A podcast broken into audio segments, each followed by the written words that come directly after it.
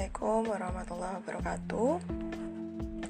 Nah, di kesempatan kali ini uh, aku mau sharing-sharing lagi nih terkait sama apa yang aku baca beberapa hari ini. Jadi uh, sekedar info ya, aku memang lagi nyoba membiasakan untuk baca buku tiap harinya. Bismillah semoga istiqomah juga gitu. Karena udah dikasih resep juga sih sama uh, pakar. Pakar bukan nih. Maksudnya udah dikasih resep tips-tips gimana caranya menumbuhkan uh, apa ya namanya habits atau kebiasaan membaca tiap harinya. Oh ternyata nggak harus banyak loh sekalinya. Apa namanya? Sekalinya baca. Karena kan apa namanya uh, ada gitu dalam salah satu hadis. Biasanya Allah pun menyukai amal yang uh, sedikit tapi itu continue kayak gitu kan.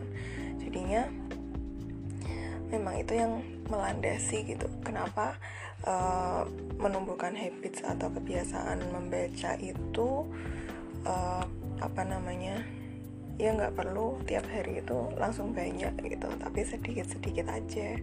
Nah dikasih resepnya sih paling nggak satu hari itu 15 menit gitu. Barakallahu fiq uh, untuk Mbak Alia yang udah ngasih uh, resep ya. Walaupun ini sebenarnya belum belum jalan sampai satu minggu sih ini baru hari ke-6 Bismillah bisa sampai seterusnya gitu ya. Dan untuk pengingat juga sebenarnya uh, aku setelah baca buku itu biasanya aku uh, share ya bikin status gitu ya. Aku bikin status terus aku uh, rangkum gitu. Aku rangkum aku foto apa tulisannya di buku itu yang yang bener-bener apa ya bikin berkesan banget gitu ya. Hari itu baca baca tentang apa terus aku share aku kasih lihat di status terus aku aku tulis uh, resumnya kayak gitu. Jadi harapannya sebenarnya uh, bukan cuma aku aja gitu yang dapat insight tapi juga uh, teman-teman gitu yang buka uh, apa namanya status itu gitu. Jadi bisa jadi ilmu lagi gitu bukan untuk aku aja. Walaupun sebenarnya uh, aku nge-share-nya juga nggak semua ya cuman insight-insight beberapa yang apa namanya berkesan gitu aja. Nah juga harapannya uh, ketika apa namanya dilihat itu pun juga ada yang apa namanya tanya gitu ya ada yang tanya uh, bisa diskusi kayak gitu. Kalau enggak uh, dia jadi terinspirasi kayak gitu juga sih Bismillah. Ya sebenarnya lebih ke pengingat juga untuk aku gitu ya ketika itu udah jadi kebiasaan. Jadi sharing insight uh, terus kayak sehari uh, apa namanya nggak baca buku nggak ngasih apa ya namanya ngebagiin insight itu kayak ada yang kurang kayak gitu kan.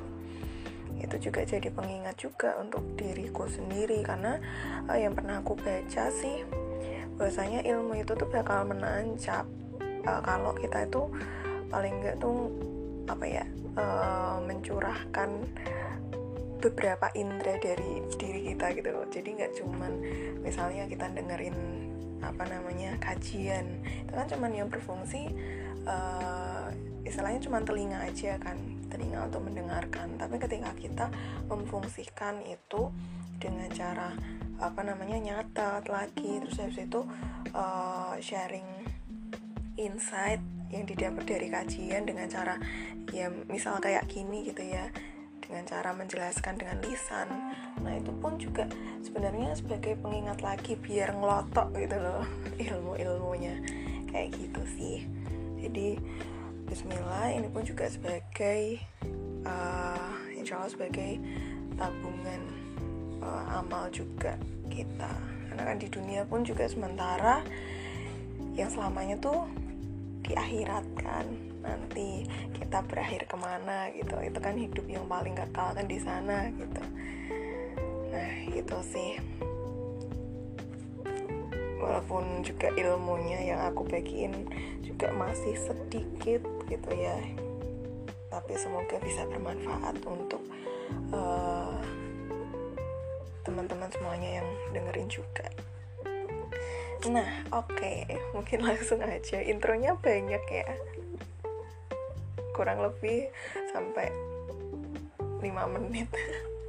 Jadi uh, oke okay, mulai aja. Uh, jadi aku hari ini mau sharing insight dikit gitu ya. Menurutku dikit sih ini nanti. Karena kurang lebih ini aku udah nggak tahu ya udah berapa lembar ya dari uh, pokoknya dari apa namanya hari pertama sampai hari ke-6 ini.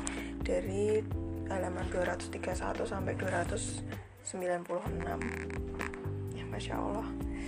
Bismillahirrahmanirrahim. Jadi buku yang aku baca uh, ini adalah karangan dari Ustadz Nopriadi Hermani PhD uh, judulnya The Model. Nah ini judul di bawahnya buku pengembangan diri spiritual ideologis untuk meraih sukses pribadi dan peradaban. Masya Allah ya. Nah ini aku dapat dapat buku ini kado sih. Kado dari Ustazah Sinta yang waktu itu ngasih waktu wisuda itu. Masya allah. Dan baru aduh wisuda udah dari kapan? Dan ini pun belum katam gitu kan. Itu ya allah. Itu ya teman-teman kalau misalnya uh, dikasih kado pertama buku langsung dibaca aja gitu. Jangan kayak aku. Biar ilmunya tuh langsung berefek bermanfaat gitu ya. Oke, okay. Jadi uh, ini kurang lebih sebenarnya memang ini ya, memang buku yang berisi uh, pengembangan diri. Jadi aku tuh baca buku ini tuh apa namanya serasa jadi anak psikologi gitu loh. Karena apa? ya ilmu ilmunya tuh ya memang ilmu uh, psikologi mempelajari tentang apa ya manusia juga gitu kan manusia terus juga tentang apa sih gimana ya jelasinnya? Ya pengembangan diri lah istilahnya kayak gitu. Itu dan uh, bedanya adalah ketika apa buku psikologi apa buku psikologi itu tuh kan uh, ya istilahnya lebih ke mungkin diri sendiri kayak gitu kan. Bagaimana cara pengembangannya kayak gitu. Nah tapi kalau ini dikaitin. Jadi sukses sukses atau uh, pengembangan itu nggak cuma di diri kita sendiri tapi juga uh, kita itu sukses dalam hal peradaban gitu. Kita bisa membawa sukses itu tuh ke orang-orang sekitar justru ma apa dan menular menularkan gitu ya. Mohon maaf lepotan ya dan menularkan ke uh, lingkungan sekitar uh, apa namanya mungkin di tingkat apa uh, lingkungan gitu kan lingkungan ataupun sampai ke negara gitu. Di situ sih. Jadi suksesnya tuh bukan sukses yang cuma untuk diri sendiri aja baik bukan cuma untuk diri sendiri aja tapi juga uh, sukses di peradaban. Bagaimana kita membawa diri kita itu uh, supaya bisa mempengaruhi orang-orang uh, hingga di level apa namanya yang lebih luas lagi itu Oke, nah di sini aku mungkin mau jelasin yang bab 15 sampai yang terakhir aku baca gitu ya.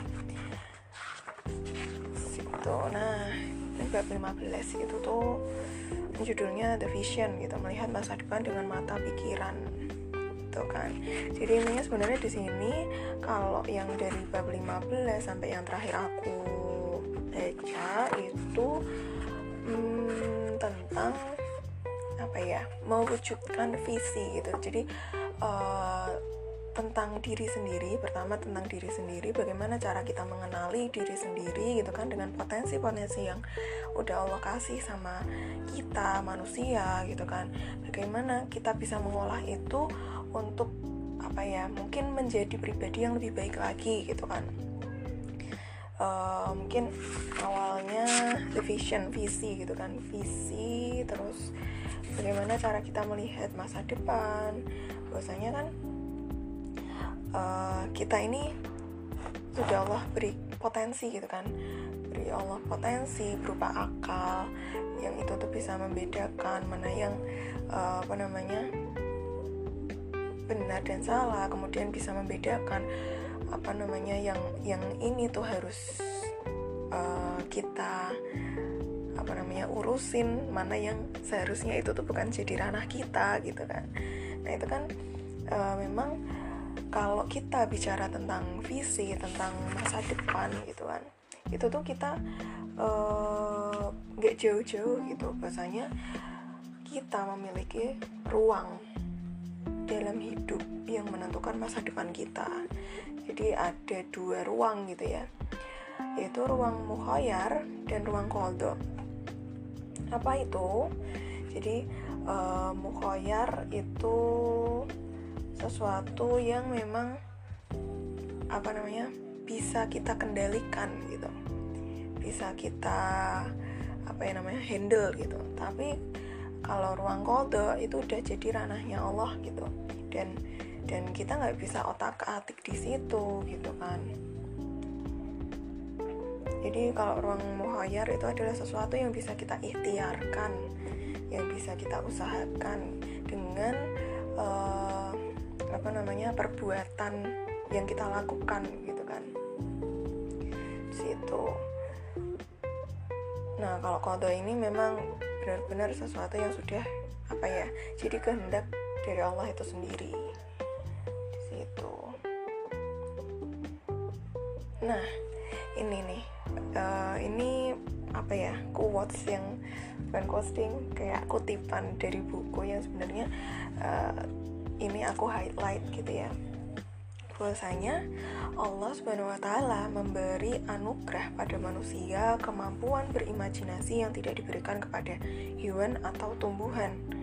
Dengan imajinasi ini kita bisa melihat sesuatu di luar batas ruang dan waktu. Itu. Jadi ini loh uh, sebenarnya potensi yang udah Allah kasih untuk kita manusia berupa akal itu tadi. Jadi uh, walaupun kita tuh sama-sama punya otak gitu ya uh, apa namanya manusia hewan uh, kita tuh sama-sama punya apa uh, organ otak gitu tapi bedanya adalah kita itu punya akal gitu sedangkan yang lainnya makhluk lainnya tuh nggak punya gitu. Dan dengan akal itu kita tuh punya kemampuan gitu untuk berimajinasi.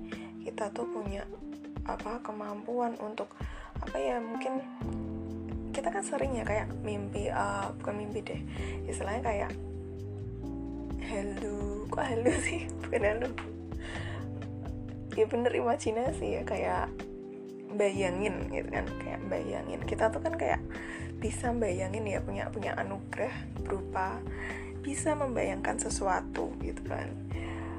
Eh nanti kalau misalnya aku ngelakuin ini nanti aku bisa nanti aku dapat kayak gini dong. Nah, kayak gitu gitu loh. Kayak kita tuh kayak udah menduga-duga sesuatu yang uh, belum terjadi. Kita bisa menduga-duga seandainya kita melakukan sesuatu ini uh, oh berarti nanti yang bakal terjadi itu ini kayak gitu. Di situ sedangkan hewan tuh nggak punya uh, anugerah berupa itu gitu. Uh, yang dia tuh bisa mengimajinasikan dia bisa menduga-duga kayak gitu. Jadi ngalir-ngalir aja gitu kan. Uh, apa namanya misal tertarik sama apa namanya tertarik sama uh, betina gitu kan ya udah langsung langsung kejar gitu kan.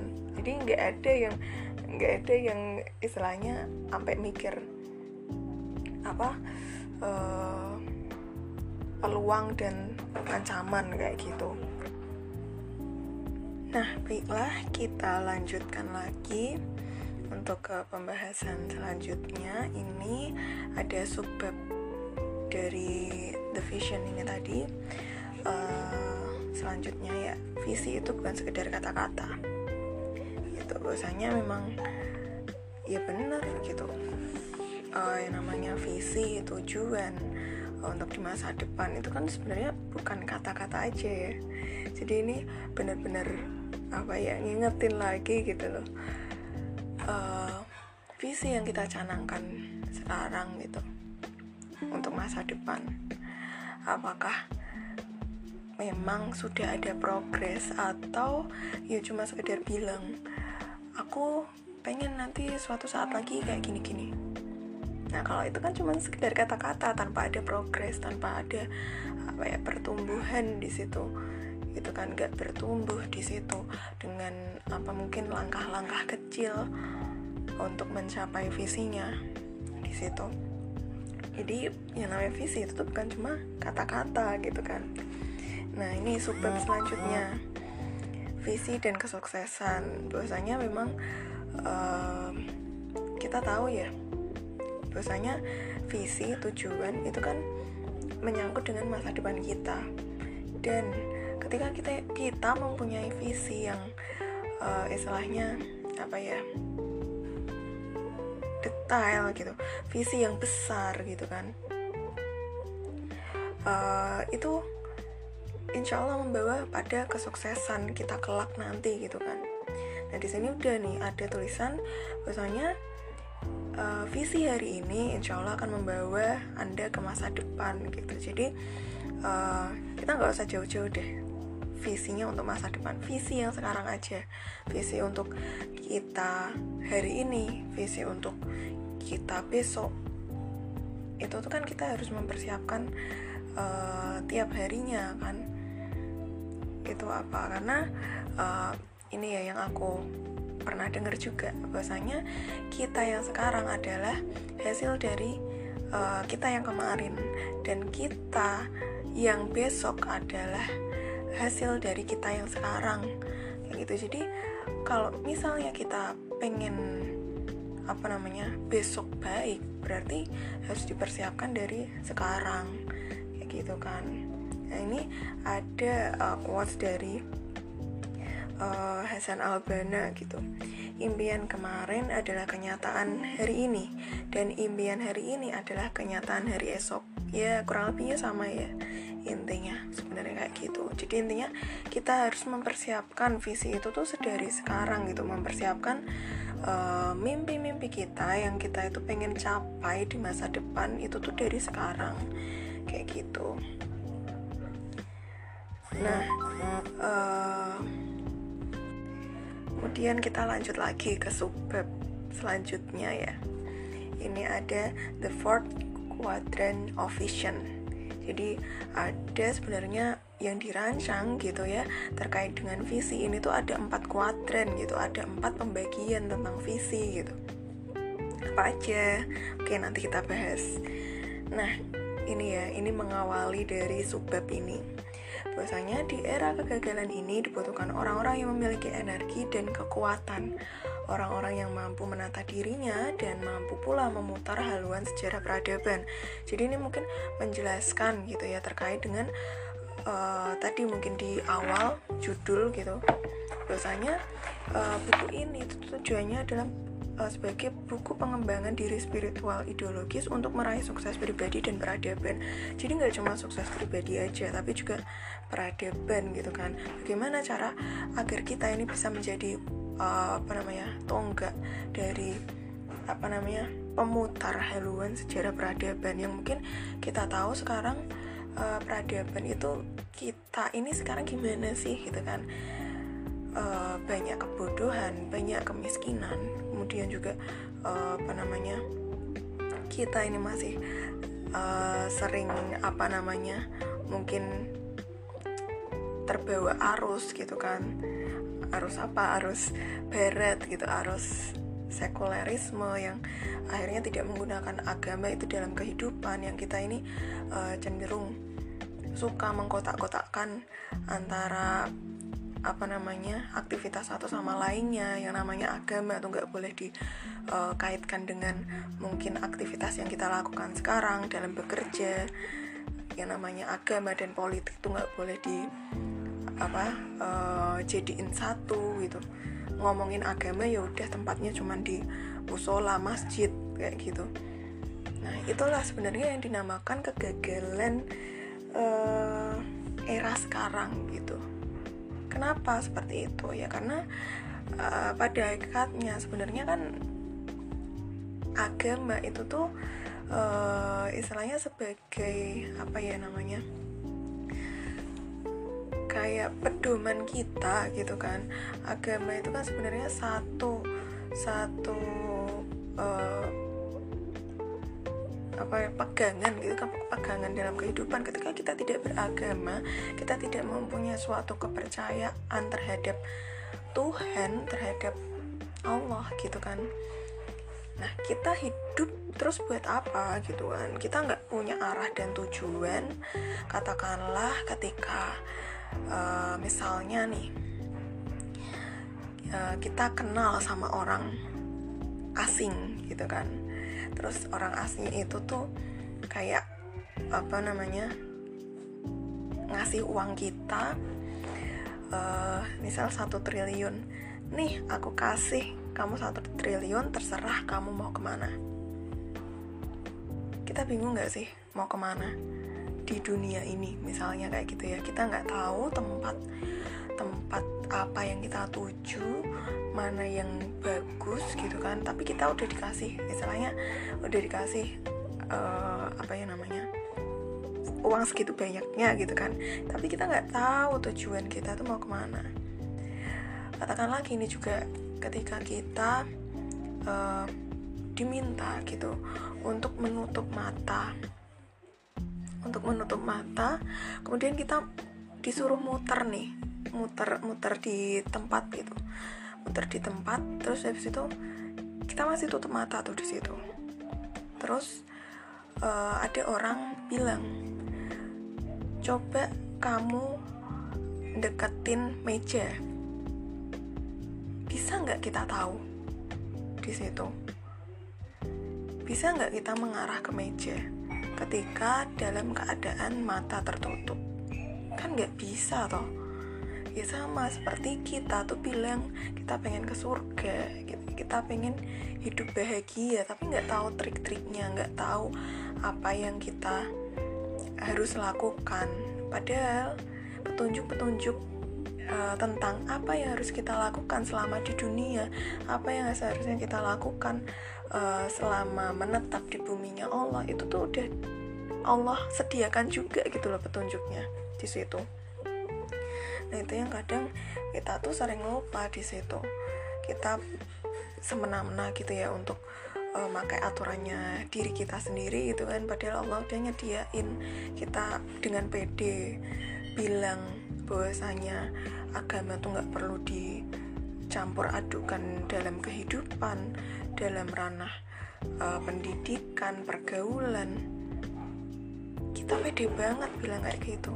Padahal di situlah letak uh, apa ya namanya langkah kita itu tuh bisa sampai ke tujuan kita nanti gitu loh di situ. Nah, uh, mungkin lanjut lagi ya. Ini ada yang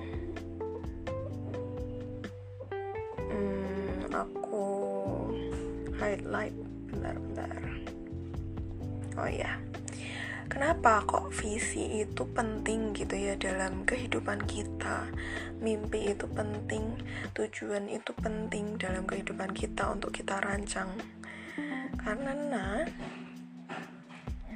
dengan memiliki visi itu tuh uh, berarti kita itu udah memenuhi syarat gitu ya sebagai seorang pemimpin. Minimal uh, pemimpin bagi diri kita sendiri gitu ya uh, pasti teman-teman juga udah sering gitu ya ikut organisasi. Nah pastinya kan di organisasi itu ada yang namanya ketua kan. Uh, katakanlah kita anggota ya. Anggota cenderung pengen milih pemimpin tuh yang kayak gimana sih otomatis kan orang yang dia itu punya visi yang bagus gitu kan. Visi yang uh, baik yang terdepan yang istilahnya dia itu bisa merancang sedemikian rupa untuk pengembangan dari organisasinya. Pasti deh aku yakin uh, banyak orang pasti uh, pertimbangannya adalah itu gitu. Nggak mungkin dong. Dia milih pemimpin yang dia mungkin pahpoh gitu ya kayak uh, istilahnya dia benar-benar nggak mencerminkan gitu ya nggak nggak terlihat mencerminkan dari dari cara uh, dia mungkin memberi apa ya gambaran visi kayak gitu. Gitu. Nah sama seperti ini tadi yang yang mungkin aku bacain dari salah satu kutipan ya di buku. Dan memiliki visi itu tuh sebenarnya salah satu bukti atau syarat gitu. Kita itu sudah memenuhi uh, untuk menjadi pemimpin gitu loh. Paling nggak pemimpin bagi bagi diri kita sendiri. Di situ pun juga ya ini ya kita ngomongin tentang diri sendiri. Kita kalau nggak punya visi otomatis kita kocar kacir ya. Hari ini mau ngapain kita nggak kita nggak teratur. Orang yang seharian rebahan gitu ya. Sampai tadi sih sempet ya aku aku scroll tuh lihat gitu. Uh, ada salah satu artis gitu bilang uh, aku tuh bingung aku tuh iri sama orang-orang tuh kayaknya sibuk ini itu sibuk ini itu. Sedangkan aku kayak gini gini aja gini gini terus gitu. Aku nggak tahu aku mau ngapain kayak gitu. Nah itu. Makanya hmm, itu sebenarnya salah satu apa ya namanya mungkin dampak juga ya. Dampak dari bisa jadi ya arus sekulerisme juga di mana memang yang namanya agama itu tuh kayak uh, dipisahkan gitu dalam kehidupan. Di situ pun juga uh, mungkin saja uh, kita belum matang gitu dalam membuat visi dan langkah-langkah kecil untuk mencapai visi itu. Makanya tiap hari itu kayak jadinya bingung gitu loh untuk uh, hari ini tuh mau ngelakuin apa ya gitu kan di situ. Makanya minimal lah untuk diri kita sendiri kita benar-benar persiapin diri matengin diri gitu. Apa visi yang mau kita capai. Nah ini nanti bakal dibahas juga sih bagaimana kita merancang visi uh, apa namanya macam-macam visi gitu. Nah di sini Oke, mungkin lanjut lagi. Ternyata, nah ini di buku The Model, ini kan judulnya The Model ya. Ini uh, membagi gitu ya, Ustadz Nopriadin membagi bahwasanya visi itu terbagi jadi dua yaitu true vision dan big vision. Jadi ada visi yang benar dan visi yang besar. Gitu. Jadi ini aku baru denger sih jujur. Jadi Iya kita tahu lah visi benar tuh gimana sih? Visi visi benar itu kan berarti visi yang uh, tidak salah gitu ya. Visi yang benar gitu. Visi yang benar. Gimana ya jelasnya ya nantilah terus visi yang besar ya visi yang besar gitu. Nah selanjutnya nanti dijelasin lagi gitu ya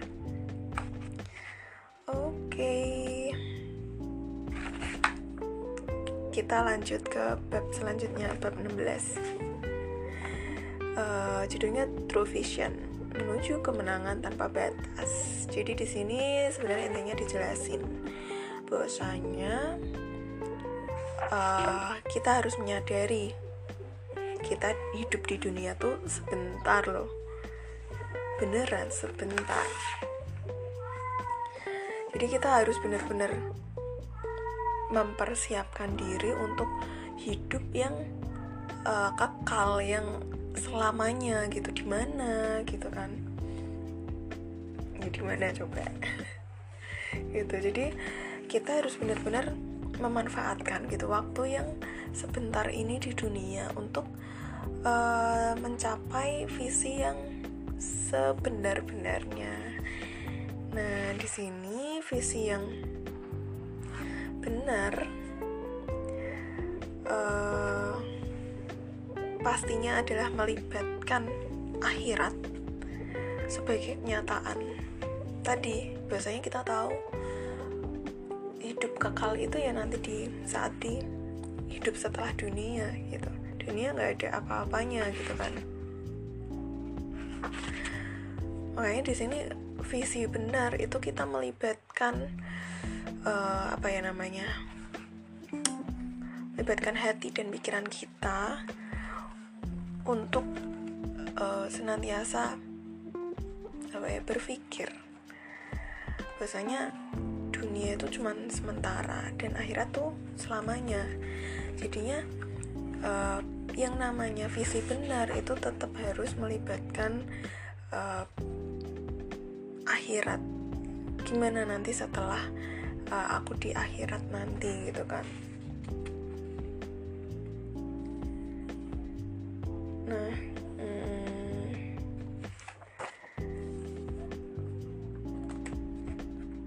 jadi uh, true vision itu sebenarnya bisa kita bilang adalah visi akhirat gitu.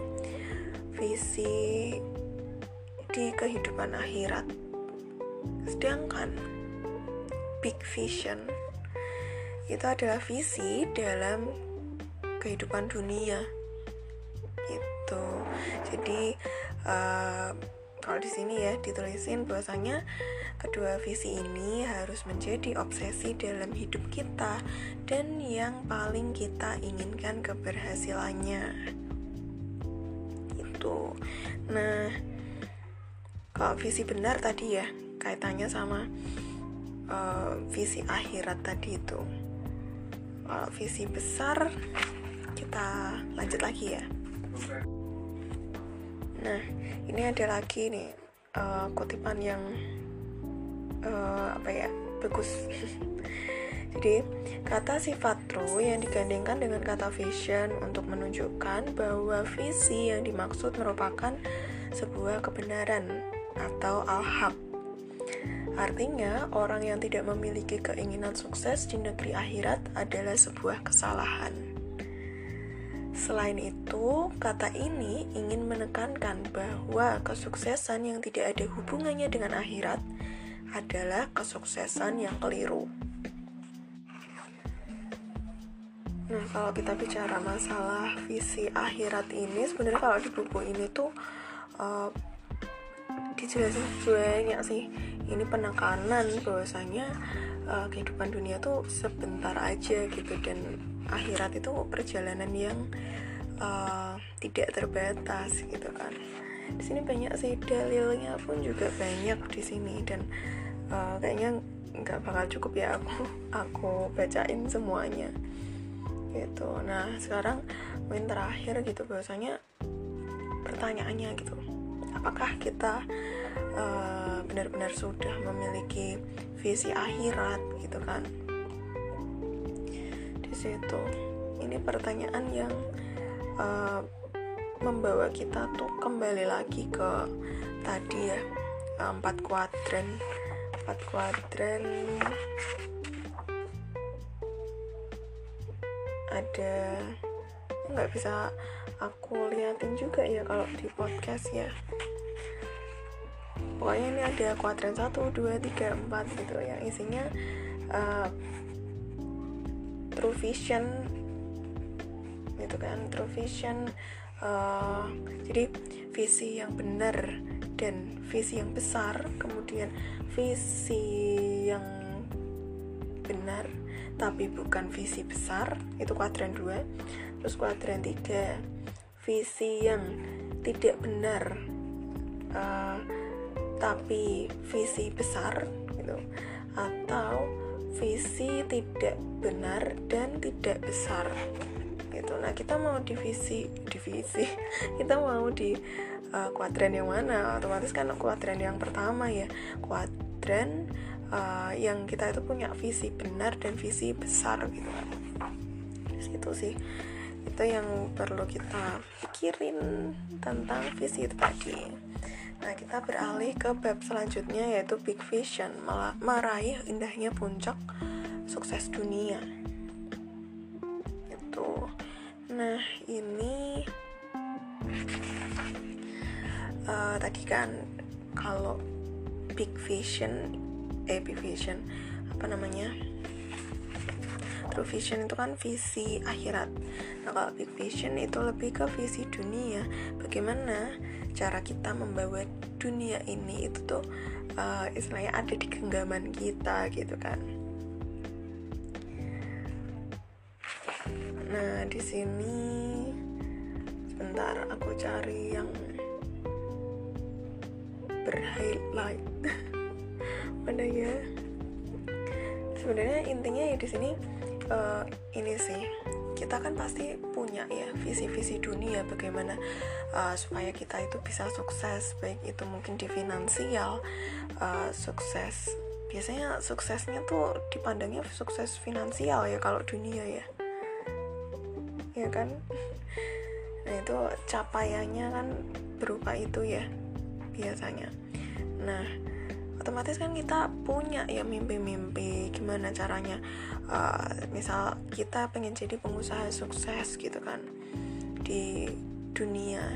Nah gimana caranya kita merancang big vision ini gitu kan? Nah di sini poinnya adalah ketika uh, kita pengen mencapai big vision sesuatu visi yang besar itu tuh nggak akan besar apabila kita tidak melibatkan visi akhirat di sana juga gitu. Jadi uh, benar-benar deh yang namanya visi benar itu termasuk di dalamnya dari big vision itu tadi di situ. Kenapa kayak gitu? Karena kita lihat deh di luar sana ya. Banyak gitu misal artis-artis Korea gitu ya Korea yang dia bukan dia dengan mereka malah. Ya akhirnya malah berakhir uh, karena karena apa namanya mungkin tidak mempunyai visi apa kedua visi gitu ya visi benar dan visi besar. Mungkin visi besar punya tapi visi benarnya nggak punya gitu. Akhirnya uh, apa namanya ketika di puncak kesuksesan gitu ya. Istilahnya sudah mencapai lah ya namanya visi visi dunianya. Tapi e, berakhir dengan bunuh diri kayak gitu. Jadi kebanyakan kayaknya ya yang aku cermati juga mereka itu ada di puncak puncaknya karir gitu kan. Tapi akhirnya e, bunuh diri gitu kan. Karena mungkin uh, bisa jadi juga dia ternyata kesepian gitu kan. Terus kayak rasanya kosong aja gitu. Dia udah punya segalanya. Rasanya kayak udah punya segalanya gitu. Tapi kayak rasanya kosong nggak tahu uh, kayak hampa aja gitu loh. Nah itu kan karena dia nggak punya visi visi akhiratnya itu kan nggak ada di sana gitu. Jadi nggak nggak usah heran gitu kalau orang-orang di sana oh ternyata uh, banyak gitu angka bunuh diri. Atau mungkin juga apa ya perceraian. Oke kita lanjut balik lagi ya. Tadi ya intermezzo untuk apa ya mungkin mengkaitkan biar lebih gampang lagi gitu ya. Nah di sini ada gitu kutipan lagi tujuan akhir untuk memenuhi kepuasan materi atau kelezatan dunia semata adalah lokasi yang salah gitu. Jadi oke aku lanjut lagi. Tidak akan ada ketenangan dan keberkahan di sana. Jadi ini sih. Bahasanya ya tadi ya ya namanya big vision sekalipun visi dunia sekalipun itu tuh uh, kalau kita mengakhirinya atau tujuan akhirnya cuma uh, kepuasan materi atau kelezatan dunia ya itu tuh uh, sama aja bohong gitu. Itu sama aja apa ya visinya nggak besar gitu di situ. Karena sama aja bakal berakhir kayak yang mungkin tadi aku ceritain gitu ya. Uh, mungkin di Korea sana gitu. Tidak merasakan ketenangan batin gitu dan uh, keberkahan di sana. Terlepas dia agama apa gitu ya tapi ini sudah valid kayak gitu gitu. Valid uh, kalau yang namanya ketenangan dan keberkahan itu datangnya dari Allah gitu. Allah yang memberikan ketenangan gitu kan di situ. Nah uh, oh ya ini ya. Sebenarnya banyak orang juga gitu ngira kalau dengan terpenuhinya kekayaan materi ini itu tuh uh, apa ya membuahkan kebahagiaan gitu. Jadi kayak kita nih sering apa ya sering berprasangka sering apa menduga gitu. Bahwasanya dengan memiliki materi ini itu itu tuh nanti aku tuh bisa bahagia. Aku tuh kayak seneng dunia akhirat kayak gitu ya aku tuh bakal jadi orang yang ya tiap hari kayak seneng terus bawaannya. Karena aku udah punya ini mobil motor uh, rumah yang gedong kayak gitu gitu situ itu kita sering uh, punya persepsi kayak gitu ya. Iya sih memang memang memang kita tuh bakal ngerasain kesenangan gitu ya. Kesenangan lo ya kesenangan. Bukan kebahagiaan kesenangan. Kita tuh bakal seneng gitu. Uh, misal kita tahu ya kita pengen punya rumah besar luas gitu. Otomatis kan ikhtiarnya adalah bekerja gitu kan. Kita bakal ngelakuin itu dengan senang hati gitu untuk mewujudkan impian tersebut gitu kan. Jadi uh, kita tuh secara tidak sadar. Secara tidak sadar kita kalau di sini nih kata-katanya memungut serpihan-serpihan duniawi sambil berharap kehidupan yang baik. Jadi kayak kita dengan senang hati gitu ya untuk untuk apa namanya uh, memenuhi impian tersebut gitu dengan memungut serpihan-serpihan duniawi. Jadi kita apa namanya ambil bagian dunia gitu kan. Dengan harapan kehidupan kita tuh bakal baik ke depannya gitu kan. Nah yang kita nggak sadar lagi ketika kita punya uh, pikiran semacam itu itu tuh kayak hormon apa ya hormon dopamin kita. Itu kan yang yang ini ya berperan membangkitkan rasa senang hormon dopamin itu tuh semakin semakin apa ya bertambah gitu produksinya. Ketika kita uh, senang ketika mendapatkan materi gitu. Jadi uh, misal kita tahu nih bahwasanya kerja kerja segini itu tuh udah diupah udah dikasih upah berapa gitu. Otomatis kita kayak oh seneng nih dapat uang segini otomatis kalau aku bekerja lebih giat lagi aku bakal dapat uang lebih banyak lagi dong gitu kan. Di situlah yang namanya kita tuh bisa jadi kayak kecanduan dopamin gitu loh. Kayak apa akhirnya produksi atau uh, apa hormon-hormon dari dopamin itu tuh semakin uh, banyak gitu karena yang materi tadi materi tadi itu tuh dia bisa menstimulasi gitu rasa senang ini. Kita kita punya akhirnya jadi seneng gitu kan. Situ. Nah sayangnya gitu kan uh, faktor penstimulasi ini tuh bisa jenuh gitu. Saturated gitu ya. Jadi uh, ada kalanya sampai di puncak dan akhirnya jenuh gitu kan. Ya sama kayak yang tadi aku contohin orang Korea. Gitu kan ketika mencapai puncaknya. Sebenarnya bukan orang Korea aja lah ya ini kayak jadinya kayak rasis banget gitu ya.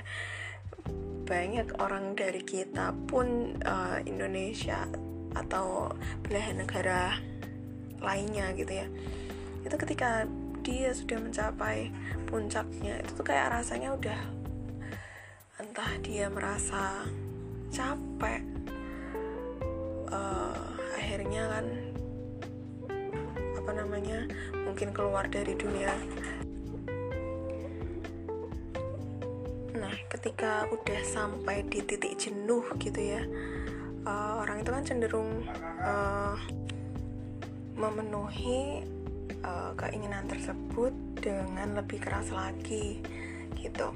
Nah di sini artinya nilai kepuasan materi itu tuh akan semakin tinggi sehingga dia selalu menginginkan pemuasan yang lebih banyak lagi untuk mendapatkan kesenangan yang sama gitu. Jadi gak ada puasnya intinya kayak gitu ya intinya nggak nggak akan ada puasnya uh, ketika mengejar dunia karena uh, hormon dopamin itu tuh bakal selalu digenjot terus, bakal selalu bertambah terus di situ gitu. Nah, di sini ada lagi nih kutipannya.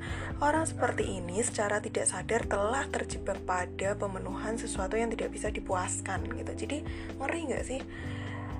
Dia udah terjebak, udah kejebak gitu ya sama sesuatu pemen, apa ya? Sesuatu yang uh, udah secara jelas gak bisa di dipenuhi gitu loh.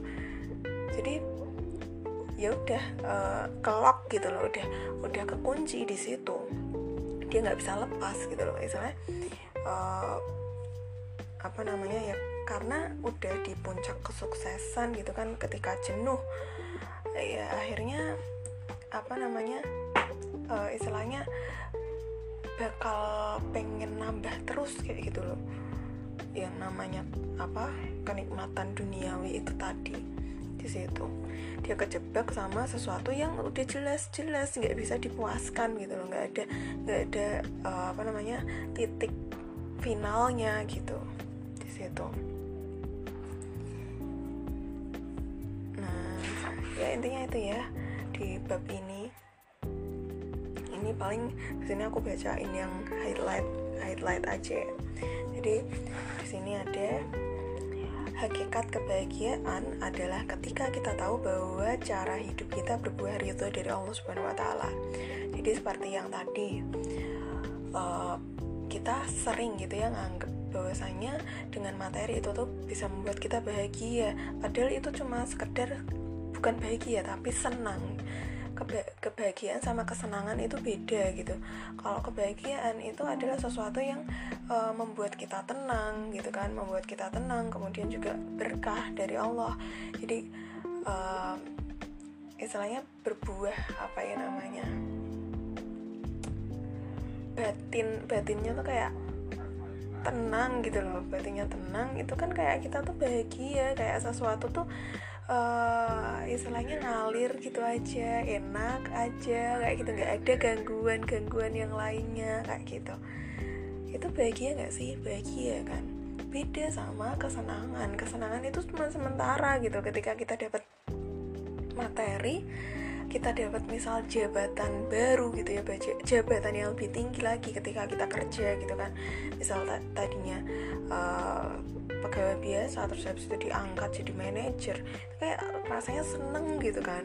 Seneng tapi terus habis itu uh, ada titik jenuhnya. Di saat apa? Di saat tiba-tiba oh ternyata tanggung jawabnya lebih banyak ya. Oh ternyata apa namanya aku perlu ngordinir anggota-anggota ya kayak gitu kan. Di situlah sebenarnya uh, letak apa ya namanya perbedaan kebahagiaan dan kesenangan itu sendiri. Jadi yang harus kita kejar sebagai seorang muslim itu bukan kesenangan gitu ya, tapi kebahagiaan dengan cara apa? Yaitu dengan cara ya tadi mewujudkan yang namanya visi benar juga di samping dengan visi besar.